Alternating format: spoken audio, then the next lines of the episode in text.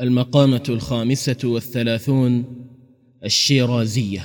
حكى الحارث بن همام قال مررت في تطوافي بشيراز على نادي يستوقف المجتاز ولو كان على أوفاز.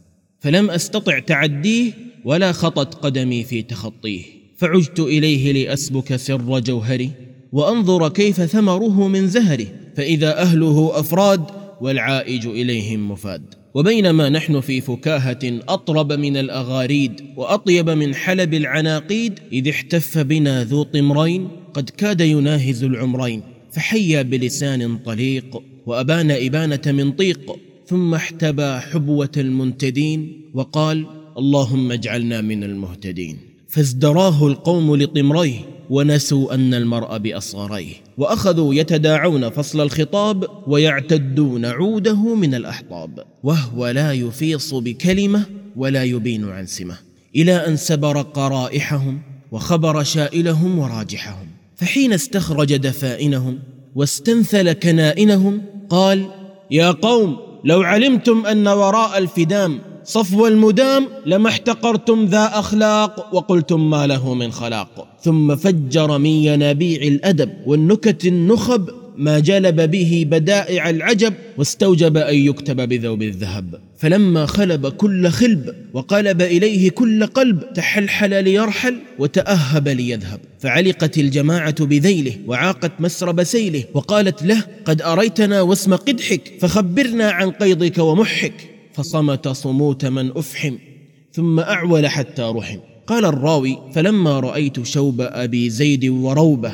وأسلوبه المألوف وصوبه تأملت الشيخ على سهومة محياه وسهوكة رياه فإذا هو إياه. فكتمت سره كما يكتم الداء الدخيل وسترت مكره وإن لم يكن يخيل. حتى إذا نزع عن إعواله وقد عرف عثوري على حاله رمقني بعين مضحاك ثم طفق ينشد بلسان متباك أستغفر الله واعنو له من فرطات أثقلت ظهريه. يا قوم كم من عاتق عانس ممدوحة الأوصاف في الأندية قتلتها. لا أتقي وارثي يطلب مني قودا أو دية. وكلما استذنبت في قتلها أحلت بالذنب على الأقضية. ولم تزل نفسي في غيها وقتلها الأبكار مستشرية. حتى نهاني الشيب لما بدا في مفرقي عن تلكم المعصية. فلم أرق مذ شاب فودي دما من عاتقي يوما ولا مصبية. وها أنا الآن على ما يرى مني ومن حرفتي المكدية. أرب بكرا طال تعنيسها وحجبها حتى عن الأهوية وهي على التعنيس مخطوبة كخطبة الغانية المغنية وليس يكفيني لتجهيزها على الرضا بالدون إلا مية